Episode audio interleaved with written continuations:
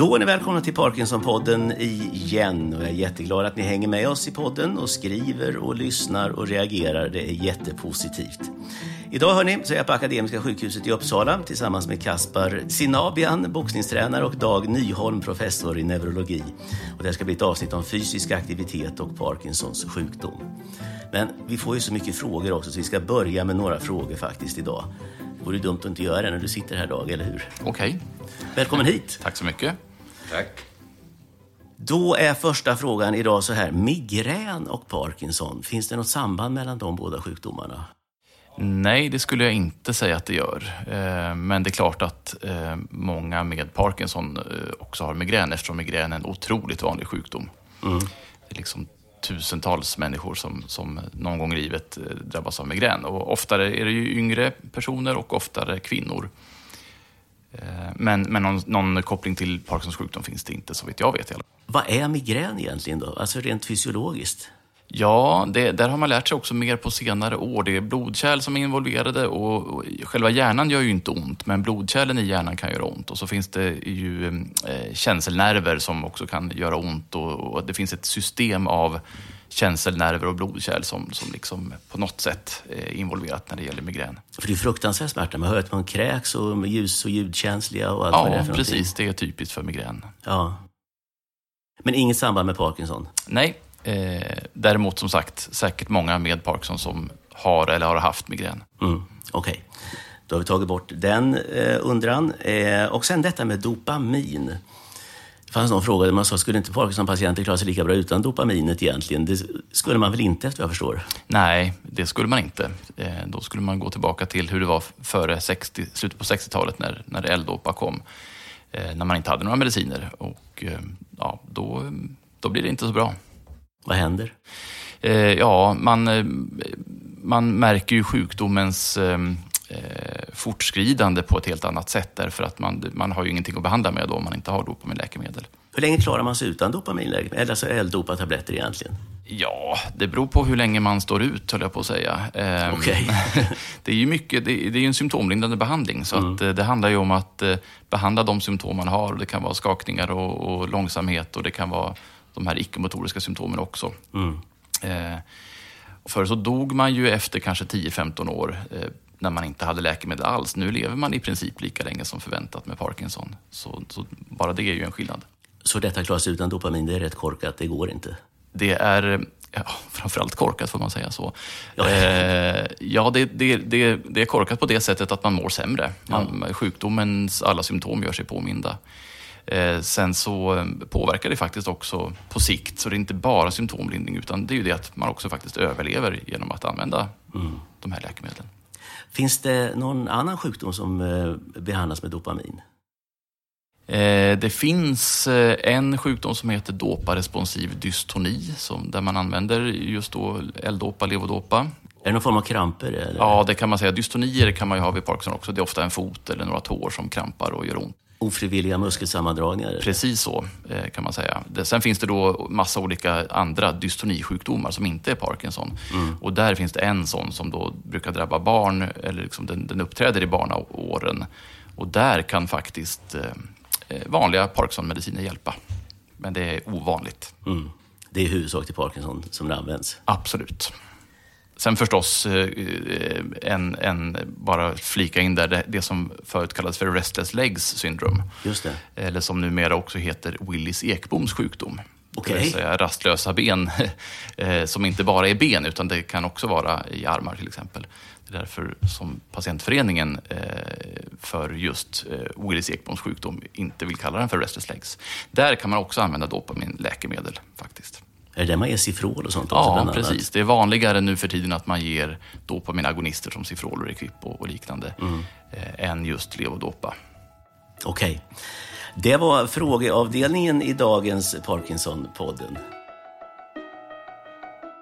Då fortsätter vi hörni. Jag är alltså på Akademiska sjukhuset i Uppsala idag och här finns Dag Nyholm, professor i neurologi och Kaspar Sinabian, boxningstränare här i Uppsala. Kaspar, nu ska du få luta dig fram mot mikrofonen här. Du sitter här nu bredvid Dag som är din läkare. Tack att jag fick komma hit. Ja, du är jättevälkommen. Du, du är ju inte vem som helst. Du kom till Sverige från Iran för 42 år sedan Precis. Och var en framgångsrik boxare i Iran, skulle man kunna säga. Irans mästare, sex år på rad. Sex år, ma- Irans mästare. Ja. Du sitter här i en snygg eh, röd träningsoverallsjacka. Du, ser- du ser ut som hälsan själv. Hur gammal är du? Jag är 77 77 år. ja, och jag tror inte spelar någon roll vilket ålder. Man måste känna alltid pigg och göra sina saker om man vill. Har du tagit dina Parkinson-mediciner på morgonen idag? Nej, jag tar inte till klockan tre. Alltså, Nu ler Dag Nyholm här. Du borde väl ta några klockan sju eller något sånt där egentligen va? När jag pratar och när jag, minnen går på annanstans, då börjar min hand skaka. Men Mm. annars, jag sitter hemma, det händer ingenting. Eller jag går och handlar och sånt. Det händer ingenting. Du fick Parkinson, du är inne på ditt nionde år. Nionde år, ja. Ja. Va, alltså, du kom gående med gåstavar här nere i entrén när vi möttes, du och jag. Precis. Det, jag upptäckte själv Parkinson, det bästa mediciner, stavar och boxningshandskar. Kan man Inte logon- samtidigt. Ja, men de bägge två kan bli logo för Parkinson-sjukdomen. Ja. För att eh, de räddade mig ganska mycket. Just stavar är viktigt. Ja, två timmar jag går och eh, jag känner ingenting om jag pratar eller jag har eh, fart eller jag går till naturen. Händer ingenting med Parkinson-hand. Går det två timmar om dagen? Ja, två timmar. Och när jag kommer hem, då är jag slappnad och jag känner ingenting. Till klockan tre. Och sen tre, jag tar min medicin, då börjar lite kanske darrningen. Då försvinner. Idag jag har inte tagit till exempel någon medicin. Hur, dags, hur många tabletter tar du om dagen, L-dopa-tabletter? Sex tabletter och två klockan tre, två klockan sju efter boxningen och sen två när jag lägger mig. Dag, eh, vad säger du om det här? Du är nu då Kaspars läkare här och han tar ju inte de här riktigt som han borde, eller? Nej, just det. Men eh, det får ju han känna själv eh, hur det fungerar. Och han har hittat ett system där han eh, som sagt är ute på morgonen och tränar. Och, eh, det, det finns ju ett välkänt begrepp som heter sleep benefit och det är att man eh, mår bättre av sömn. Alltså att på morgonen när man vaknar så har man inte så mycket Parkinsons-symptom. Jag kan tänka mig också att det finns i, i Kaspars fall lite training benefit om man får eh, uttrycka sig på Man bygger engelska. upp en liten buffert. Ja, det är mycket möjligt faktiskt. Eh, Så att han klarar sig bra eh, ett antal timmar här nu utan mediciner. Men sen så känner han uppenbarligen då att mot eftermiddagen så, så är det dags att, att få i sig lite medicin för att hjälpa till. Men det är inget, eh, inget fel på att göra det. Det är som jag sa förut också, att man får medicinera ut eftersom hur man känner och hur man mår. Fysisk träning, det betyder någonting. Ja, det gör nog det. Eh, rent vetenskapligt så har det studerats rätt mycket och det finns en hel del eh, studier som visar att fysisk träning är bra vid Parkinson. Det är också på sätt och vis svårt ibland att, att eh, göra bra studier som, som liksom rent vetenskapligt bevisar saker. Men eh, det finns bland annat från Sverige eh, eh, forskning som, som, eh, där man har eh, använt eh, fjällpromenad, eller vad heter det? Fjällvandring heter det. Mm. Jag gick en promenad i fjällen. Just det. Fjällvandring, det är lite längre Ja, promenader. ja, det är lite längre promenader, ja. Och som, som då visar att, att man kan minska sitt medicinbehov till exempel och mår bättre. Och rent fysiologiskt, alltså medicinskt, vad, vad är för förklaringen? Är det den här lilla depån man har byggt upp, eh, ett litet kapital, liksom ett överskott av fysisk aktivitet i hjärnan på något sätt, eller vad är det? Väldigt svårt att säga faktiskt, eh, vad, rent fysiologiskt vad det är som händer. Eh, jag tror inte att någon vet det fullt ut faktiskt. Spännande. Det är väldigt spännande, absolut. Skriver ni ut aktivitet som recept? Det händer ja, och jag läste någonstans häromdagen att vi gör det alldeles för lite generellt sett, men eh, det kan man göra. Kaspar, du är ju aktiv nu också som du sa, du håller på med och är boxningstränare nu då. Ja, Eh, vad betyder det för dig då med boxningsträningen? det är otroligt mycket. Jag tror att eh, nästan mitt liv är utan boxning och stavar fungerar inte. För att jag går mm, promenad två, två och en halv timme per varje dag med stavar. Ja. Då känner jag ingenting. Jag kommer hem, då är det lugnt och fint. Och när jag går boxningen, då börjar jag hålla plattor för ungdomar. Och de slår på min hand. Och sen jag slår sex och visar dem hur man ska slå. Och då uppvärmningen, alltid jag tar hand om uppvärmningen. Och alla kommer ungdomar tillsammans. Jag börjar uppvärmningen 20 minuter. Och den, jag känner den hjälper jättemycket. Och hur känner du efter uppvärmningen? Ja, den rörelsen jag gör med min kropp, Ja. de, eh, de är intressant. att Jag måste kontrollera bägge två händerna. Nu sträcker Att när- Kaspar ja, armarna åt sidan här. Ja. Om, om jag kommer här, den stannar här och den fortsätter, då börjar det darra. När, Men när jag går, då är, händer ingenting. När du är i rörelse då händer ingenting. Rörelsen på armar. Och sen kommer eh, rörelse på axlar och sen kommer eh, det jag kallas namnet Batman. Det blir så Ja. och sen så två gånger. Och den rörelsen, när jag håller garderingen, då kanske den skakar när jag vill slå den. Det är en bra fint om ena handen skakar så slår du med andra. vänstern han börjar, högern börjar uh, skaka när jag slår den. Men Ja. Mm. när jag slår den, och då den börjar ha- skaka. Och ungdomar mest, de tror att jag, tekniken är den. De, Ja, ja. de gör själva. Jag säger nej, den här är skakning av min hand. Hur reagerar de på att du har skakningar, att du har Parkinson, ungdomar? Frågar de mycket om det eller tycker de det är naturligt? De... Ja, de, de frågar mig som eh, varför den skakar. Sen jag förklarar den jag har fick för Parkinson. Mm. Och det är intressant. Massor av rörelser finns på kroppen. Tvärtom till exempel. Massa rörelser, armarna ja. har, när Ja. man går tvärtom händer ingenting. Man känner ingen skakning. För då tänker du på annat. Du måste koncentrera dig för att göra Ja, rörelsen. just det. När jag tänker på annat då jag tappar bort Ska- skakningarna, Då ja. skakningen börjar. Om du inte tränade alls, om du inte gick och inte höll på med boxning, hur skulle livet vara då? Jag är jättesäker att den skulle vara mycket sämre. För att under nio år, den har inte ändrat mycket. Nej. Men eh, Vad beror det på, tror du? först stavar. Jag har sett många på, på promenaden, de har skakning i handen. Och jag stannar och pratar med dem. De har ingen stavar med Nej. sig. Då, De går utan stavar. Ja, då jag förklarar, jag har Parkinson. Ni märkte inte jag har Parkinson. De sa nej. Men jag såg att du skakade jättemycket. Då använde par eh, stavar. Stavar hjälper mig hela tiden. Jag är konstant. Ingenting händer. Jag känner ingen Parkinson. Till och med efteråt jag när sitter. Nej. Ja, det är efter- fantastiskt. Ja, det är otroligt bra Parkinson. Och så blir du lugn och fin när du kommer hem. Ja, och sen till klockan tre, duschar och göra klart och allt. Tre, då jag känner lite, känslan kommer att börja darra. Då jag tar medicin, två medicin.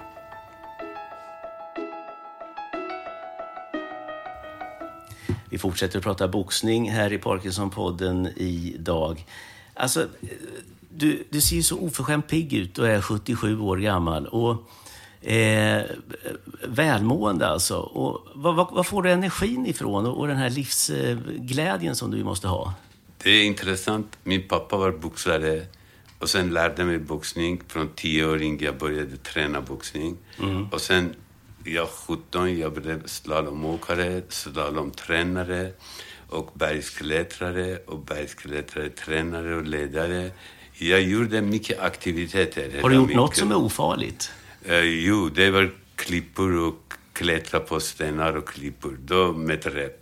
Då är, den är farlig, men Ja. of, ofarligt kan man säga det beror på man. Du hade funderat på schack? Allt, om du kan inte simma, hoppa i bassängen och simma. Det går inte. Mm. Nej. Man måste kunna först utbilda sig själv och sen, då blir det ofarligt.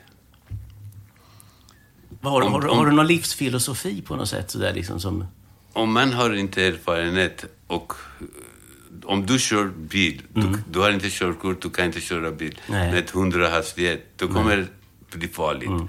Men om du har körkort och du, har, du kan köra bil, då du kan köra 100, det är du normalt. minimerar riskerna med kunskap och utbildning. Precis. Exakt precis. så är det. Ja. Du, att jag tjatar på det här om, om eh, att du ser så pigg och glad ut. Eh, det finns ju en del som får Parkinson som tar på sig den så kallade offerrollen. Liksom, att man går in och man lägger ner, nu är livet bara skit resten av tiden och nu gäller det att ta sig igenom, det är ett elände. Du har aldrig fastnat i den Nej, fällan? jag ska säga ett kort för du om du låter mig säga. Det är, jag, min läkare, jag alltid blir själv först. Och sen jag går till läkare. Om jag löser mitt problem, och då går, jag sitter inte tänka hela tiden, jag har Parkinson, jag klarar inte, jag ska inte röra mig och jag rör det, jag får ont på benen och så. Jag tänker inte så. Först jag hittar, till exempel, jag drack mycket kaffe, armeniska kaffen är ganska stark. Och jag fick eh, problem med eh, Halsbränna, halsbränna. ja, ja. Då jag själv testade, tre dagar drack ingen kaffe, fyra dagar ingen och sen blev helt borta. Och sen tänkte kanske vara något annat också. Men jag började igen kaffe, då började jag igen. Då, mm. Det kallas, jag är min läkare. Då Du jag- hittar problemen och, och löser problemen själv, ja. Ja, och då jag gick inte till läkare och sa jag har halsbränn och jag vill ha medicin och sånt. Nej. Du löser det själv. Ja, precis. Först jag, och sen om du går på minus 10 grader Ja. och sen du säger åh det är kallt, jag fryser. Då kommer du frysa. Mm. Men om du säger nej, det är inte kallt, det är inte så farligt, jag klarar mig. Då man går... Man peppar sig själv med ja, sina peppar tankar. Sig. Ja. Ja. Ja, Allt kommer från hjärnan. Man kan ju säga att du har en vilja av järn också, ska man kunna säga. Eller också har du en väldigt stor lägenhet. Ja. Eh, under pandemin så gick du ju, då var du isolerad. Ja, dig. till exempel en av dem är... mm, Jag tänkte, jag ska inte sitta. Jag gick 15 000 steg varje dag runt på lägenheten. Inne i lägenheten. Ja, in i lägenheten. Jag Hur lång tid gjorde du det? Kök och kommer vardagsrum och sen kommer på korridoren och sånt och sen balkongen. Hur många varv blev det? Jag eh, kommer inte ihåg, men jag, eh, jag räknade alltid 50 varv, 60 varv, sen tappade bort. Ja. Men eh, det viktigaste, jag tog tiden och stegräknaren. Mm. Stegräknaren alltid gick 15 000, 16 000 steg. Den var viktigaste för mig. Och sen samtidigt, jag tänkte inte jag är i lägenheten. Jag tänkte min promenadväg. Jag är här, nu är jag träffar Ah. den kaninen. Kan, kan, det, det, det är sånt eh, man Du piggar. såg naturen Ja. framför dig istället för lägenhetsväggarna. Ja, precis. Mm. Det är jätteviktigt för mig att jag var i naturen. Vad sa din hustru när du gick de här 15 000 Och så stegen? fixade kaffe och lite sånt. Efter, jag kommer bara lite frukost. Ja, nej men hej, passerar du köket igen? Ja, just det. Jag kom köket För också. 95 gången idag. Ja. Och det var intressant. Den här bestämde jag, måste jag göra. För att eh, det, det var eh, någon, någon sätt man tänker, om jag är, har pa- Parkinson, jag är sjuk, jag klarar inte, jag är gammal. Då hela tiden röra mina fingrar och sitta och tänka. Sitta och rulla tummarna bara. Det går jättesnabbt livet. Jättesnabbt. Man förstår inte varför blev jag så gammal och jag klarar ingenting. Men jag njuter varje sekund, varje minut av mitt liv. Till och med jag är här. Och jag är Till stolt. och med det, ja, vad roligt. jag är stolt av min läkare sitter bredvid och vi, klar, vi ska prata om Parkinson. Ja. Och jag kan ge kanske en liten, liten bit till sjukdomen. Mm. Då jag blir glad. Ibland önskar man att eh, poddar vore bild också, så man fick se hur, hur, hur du skiner när du pratar om de här sakerna. Vad, när du var boxare, alltså vad var du bäst på? Vad var din Var det rak Hjärnan. Jag, Hjärnan. På boxning behöver inte kraft mycket. Inte man vara stark och slå hård och sånt.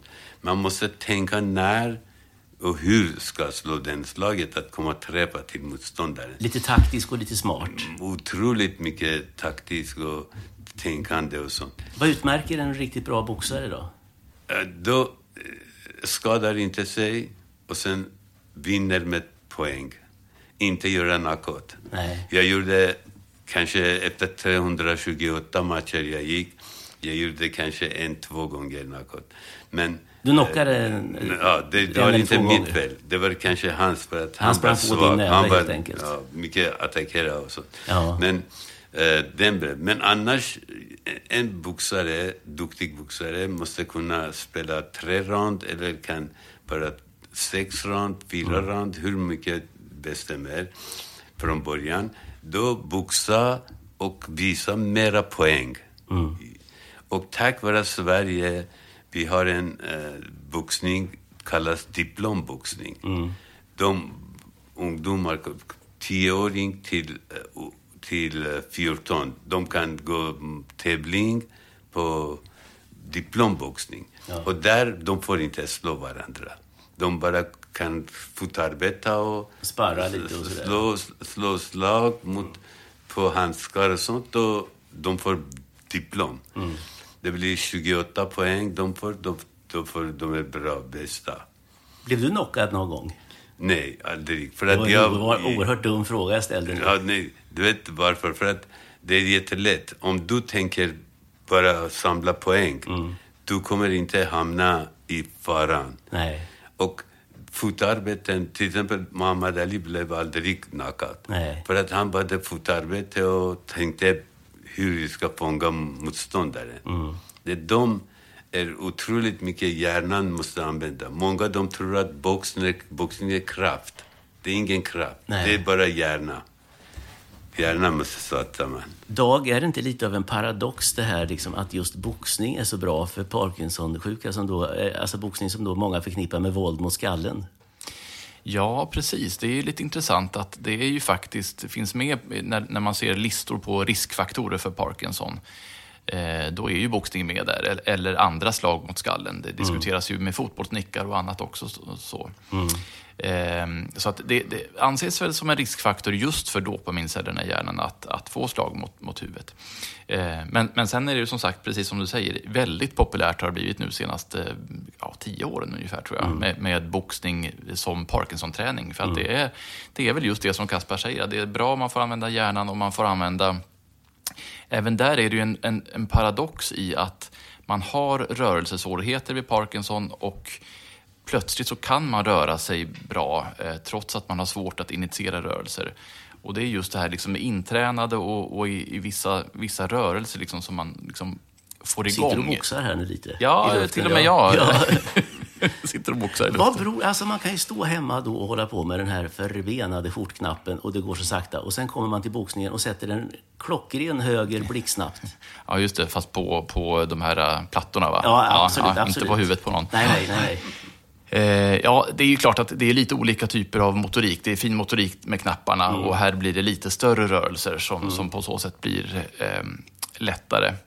Men det är också så att, att eh, just intränade rörelser eh, går ju det, det, är liksom som rörelseprogram som är svåra att starta igång, men när man, när man väl lyckas så finns de där. Liksom. Vad är skillnaden på intränad rörelse och reflexrörelse? Det var någon som sa att går du över vägen och har Parkinson och det kommer en bil och nästan kör på dig så kan du hoppa undan. Just det, det är det som kallas för paradoxal kinesi, att man rör sig trots att man egentligen inte kan. Ja. Och det är likadant egentligen, eller kanske inte riktigt likadant, men att gå i trappor är lättare än att gå på vanligt slätt golv när man mm. har Parkinson. Mm.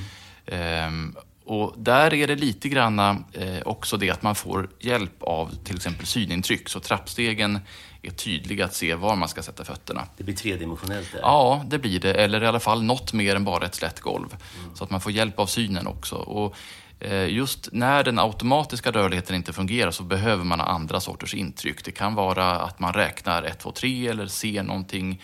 Eller också har det här att man vet vad man ska göra som de här rörelserna som Kaspar har visat här. Jag såg eh, en kvinna en gång som gick på asfalt och eh, släpade fötterna, liksom trippade. Och jag sa, men hur går du? Jag väntar att vi kommer fram till plattorna, så. Då kommer fram till plattorna och då ligger de i fyrkanter. Det gick som ingenting hade hänt. Precis, så är det. Det är det där med eh, det är det där med att man får hjälp av synintrycken. Det kallas på engelska för queuing eh, efter ordet för biljardkö som alltså betyder påputtning då helt enkelt. Tänk om man kunde få in ja. någonting på linsen eller några glasögon av något slag som, som kunde lura hjärnan mm, på det sättet mm, då. Just det. Det finns ju, har, har utvecklats sådana rutiga glasögon till exempel. Så jag vet faktiskt inte om de funkar men, men eh, eh det finns ju lite olika annars sätt att med gånghjälpmedel eh, få igång rörlighet som annars inte funkar. Och jag tror att det är det som är stavgången också, hemligheten med stavgången, att man eh, får lite grann av ett, en rytm i det hela eh, och, och använder hela kroppen och inte bara fötterna som ska gå. Det här att man inte tänker på det som Kaspar säger. Man tänker inte på att man har Parkinson eller man får inte de här skakningarna när man gör de här rörelserna. Man måste koncentrera sig på något annat. Mm. Det är rätt konstigt. Ja, det kan man säga. Det är konstigt. men, eh, det är mycket som är konstigt, men det, men det, det funkar så.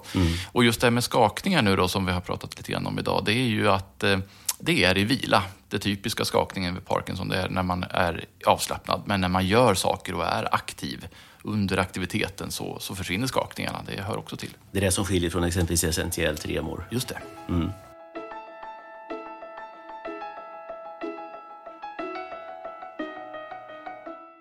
Kaspar, du är 77 nu. Hur ser du på framtiden? Hur länge ska du vara boxningstränare?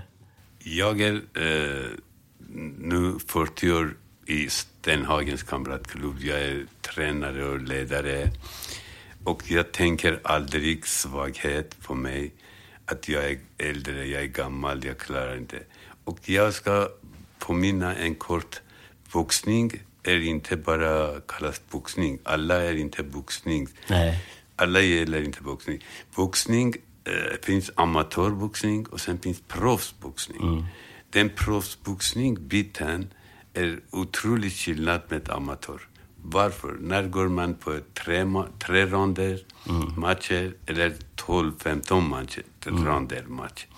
Då blir skillnaden. Om får man ett slag och hjärnan blir lite skadad, då fortsätter få slaget och slaget efter när det blir proffs. När det blir amatör, då avbryter domaren. Ja. Kanske en rond, kanske halvrond, då avbryter. Då skadan blir mindre kanske, eller skadan Den blir mycket mindre då, alltså. ja. Den biten är jätteviktig. Och tack vare i Sverige, som sagt, Sverige har upptäckt också måste göra diplomboxning. Mm. Diplomboxningen får inte slå varandra så mycket hårt och de bara måste slå på handskar och hålla gardering, Mm. bästa fotarbete och kondition. De Mm. tre sakerna hjälper mycket, teknik och kondition och fotarbete. Då får poäng, 28 poäng, den ungdomen får en diplom. Mm. Från, Det, det låter ju bra. ja, den är Jättebra. otroligt bra. Du, boxning, alltså Parkinson-boxningen, eh, det, vad säger du till dem som tänker, tycker att jag är 62 år, jag är för gammal för att börja gå på boxning nu? Ja, det är samma sak på bergsklättring. Samma sak på slalom. Jag åker slalom nu och många är rädda. De säger du kommer sönder din ben. Ja, Du kommer bli bryta skadad. Ja. Men jag tänker fart och teknik. På slalomen, om du håller den, Ja. då klarar du till 70-80 år Mm. gammal. Du åker slalom fortfarande? Ja, jag åkte... Det var eh, sist jag åkte ett år sedan. Jag måste nu försöka igen, bara på backen. Och jag går Kronabacken. Jag kommer aldrig få svarta. Och eh, Kronabacken är lätt och sen man kan köra ner. Det viktiga är att man kör, det är jättebra. Ja, och tekniken och... Den svarta och, backen är så brant så man funderar på om man ska åka eller Ja, hoppa. precis. Ja, eller hur? Det blir nästan så. Och jag gjorde, när jag var ung, jag gjorde mycket saker. Hoppade klipparna och jag hoppade mycket på med skidor och gjorde för första gången i hela Iran, jag gjorde första gången, åkte 5600 meter, klättrade upp med skidor i ryggen och sen kom jag ner med skidor. Den tiden jag gjorde otroligt farliga saker, men jag klarade mig. Har du skadat dig ordentligt någon gång eller? Ja, jag, en gång i bergsklättringen jag ramlat ner för att jag tog inte repen. Jag ramlade ner. Jag hur, långt, klättrade hur högt var det? Det var kanske 10, 8 meter, men jag hade tur när jag ramlade 8 med 10 meter. Jag slagit på själva väggen och sen jag kom ner. Därför jag blev inte mycket skadad. Du blev lite uppbromsad av väggen där i själva Ja, fallet. just det. det. Annars kunde det gått riktigt illa. Ja, det skulle vara... Klättrar du i berg fortfarande också eller? Jag klättrade Kebnekaise två gånger med mina barn. Okej, Ja, och eh, Mont Blanc med mina barn. ja, såklart. Och, ja, Jag åkte Gallepigen med Norge Ja. med mina barn och klättrade. Och sen nu Du har de tagit blev- de högsta bergen i Norden i alla fall. Ja, just det. Ja. Och, Ja, eh, och har du jag, gjort det Dag? Nej. Nej, inte jag heller. Det kanske börjar. ja, just det. Jag ska bli lite äldre först. Ja, precis. Och eh, nu barnet blev större, de tar sina barn. Mm. Exakt samma sak de gör som jag gjorde. Hur känns det? Ja, det, och jag blir jätteglad Ja, att klart. de gör det. Och sen jag tar promenaden varje dag. Jag är nöjd med två timmar promenad, 1500, 15 000 steg eller, eller jag kommer på 20 000, 25 000. Mm. Men nu jag minskade på 12-13 000 Ja, okej. på grund av jag vill inte skada kroppen. Nej. Man får vara lite rädd om kroppen när man blir lite äldre. Ja, precis. På Tänker man lite försiktigt. Hur är det med det, Dag, egentligen? Alltså, eh, alltså träning när man är äldre. När man, om man börjar med sån här träning när man är i 60-70-årsåldern till exempel. Med boxning och sånt. Vad ska man tänka på? Benskörhet? Ja, jag tänker det. Om man inte har rört sig eh, tidigare, inte har klättrat i berg och så vidare, så, så kan det ju vara så att man, eh, både muskler och skelett inte är så där i toppform. Eh, och då får man nog vara lite försiktig och, och, och trappa upp träningen eh, eh, lite, lite Successivt. Lite successivt, precis. Ehm, eh, och just det här med benskörhet är ju väldigt vanligt och har man, eh, har man en, en svag benstomme så, så kan det ju vara så att man eh, råkar ut för skador förstås. Och benskörhet är urkalkning av eh, skelett? kan Ja, då har man en större risk att få frakturer och det verkar som att den risken är ännu större just när man har Parkinson. Okej. Eh, och det ska vi försöka forska lite på också varför det är så. Men, men eh, det kan ju hända att, att det har, har att göra med att man allmänt sett rör sig mindre. Så att eh, det är jätteviktigt att man rör sig mycket. Eh, och man kan absolut börja när man är äldre också. Ska man ta något kalktillägg eller något sånt där? I... Det kan hända att det behövs. Ehm, Man kan göra bentäthetsmätning i så fall då eh, och kolla läget där och se om man behöver medicinering för det. Men det finns inga ursäkter för att inte gå och träna om man känner sig okej utifrån sin nivå? Även om man har kommit upp i ålder lite grann? Nej, alltså det, det finns fördelar med att hålla igång kroppen och träna. Och det är ju ändå så att, att eh, rörligheten blir sämre med tiden när man har Parkinson. Och- Och just därför är det bra att, att motverka det i tid och, och verkligen försöka komma igång och, och eh, röra på sig. Och sen är ju det nyttigt för andra delar av kroppen också förstås. Jag menar hjärt-kärlsystemet och så vidare. Men, men just bara om man tänker bara för Parkinsons del så är det bra att man rör på sig mer. Jag hade en läkare med i podden här en gång som eh, är också på med det här med att skriva ut recept eh, till rörelse. Och då skulle han göra det till en dam och den här damen sa, kan man inte få en tablett istället? Ja, just det. Det är lite enklare att ta en tablett än att behöva röra sig och gå 15 000 steg. Ja. Man behöver inte gå riktigt 15 000 Nej, steg. det behöver man inte göra heller. Men, eh, nej, och alla har olika förutsättningar. Men det, det är bra att, att hålla kroppen igång. Kroppen och hjärnan är igång, så eh, då, då blir det bättre med tiden. Sen ska man väl inte glömma den, den sociala biten, Kaspar, också. Det här att man träffar folk när man tränar också. Träffar andra människor. Du träffar ungdomar. Så det betyder väl också en del. Det är inte bara träningen, utan den sociala Precis. biten. Jag pratar med ungdomar, jag visar teknik och taktiken. Mm. Och då hjärnan börjar motionera också, min hjärna. Ja. Och jag ska säga en kort, eh, jag har två bollar. Mm. Den jag klistrade mot varandra. Det, det mot varandra? golf, golfbollar. Ja. Jag klistrade dem ihop. Och sen jag sätter på bordet och jag bara rörar på min hand på den. Så här. Den, en boll här, en boll här. En boll på varje sida handloden, Och sen ja. jag går, den rullar fram och rullar. Du ska distrahera Ja, tanken hela tiden alltså. Mm. jag vill tanken. Jag, jag pratar med dig och jag rör den. Det händer ingenting. Nej. Men om jag pratar inte med dig, då, Då skakar börjar jag handen. skakar. Då, men jag rör handen, då händer ingenting. Vilken uppfinnare du är. Jag, hela tiden, jag säger det, man måste vara först själv sin- sin läkare och sen gå till läkare. Det är fantastiskt. Annars, det är otroligt mycket sådana saker jag tänker att man ska göra att uh, bli. Jag tänker inte, jag har Parkinson, jag måste sitta hemma och jag orkar inte. Om jag sitter nu, vi sitter här kanske en halvtimme och jag ska stå, då mina ben börjar drar lite konstigt. Ja. Men när jag går, då börjar det bli normal. Men det blir helt normalt. När du börjar röra dig igen, ja. Det rörelsen hjälper dig. Om jag sitter, då jag skadar mig, känner jag. Mm. Man är stel när man kommer igång där. Ja, Dag. Ja, stelnar till ja. Ja. Ja, och det är ju vanligt eh, att det blir så. Vad är Parkinson och vad är vanlig åldersstelhet? Ja, det kan man också fundera på, för det är ju, det är ju förstås eh, svårt att, att särskilja. Eh, s- men, men just det här med till exempel när man har suttit en stund och ska komma igång, då kan man vara lite stel bara för att man är åldersstel. Men, men just igångsättningen av att komma igång med nya rörelser, där, där kommer ju Parkinson också in och Med gör det svårare liksom, med långsamheten och, och att komma igång med att gå till exempel. Vi skulle kunna prata hur mycket som helst om det här, Ja, Kaspar, eller hur? En kort ska jag säga Absolut. också. Det, när jag var ung, Mm. när pennan jag tappade på golvet. Tappa pennan på golvet. pennan Ja. Mm. golvet, och jag gick snabbt och tog den. Men nu, jag tänker lite så här, koncentrerar mig och sen går rakt ska jag komma på den pennan. Det, tar, det blir- tar tid. Det tar blir- tid, ja. Det blir mycket. Det är nästan bättre att gå och köpa en ny penna och låta den ligga. Istället att, Ja, som du säger, det finns mycket att man pratar om. det finns hur mycket som helst att prata om.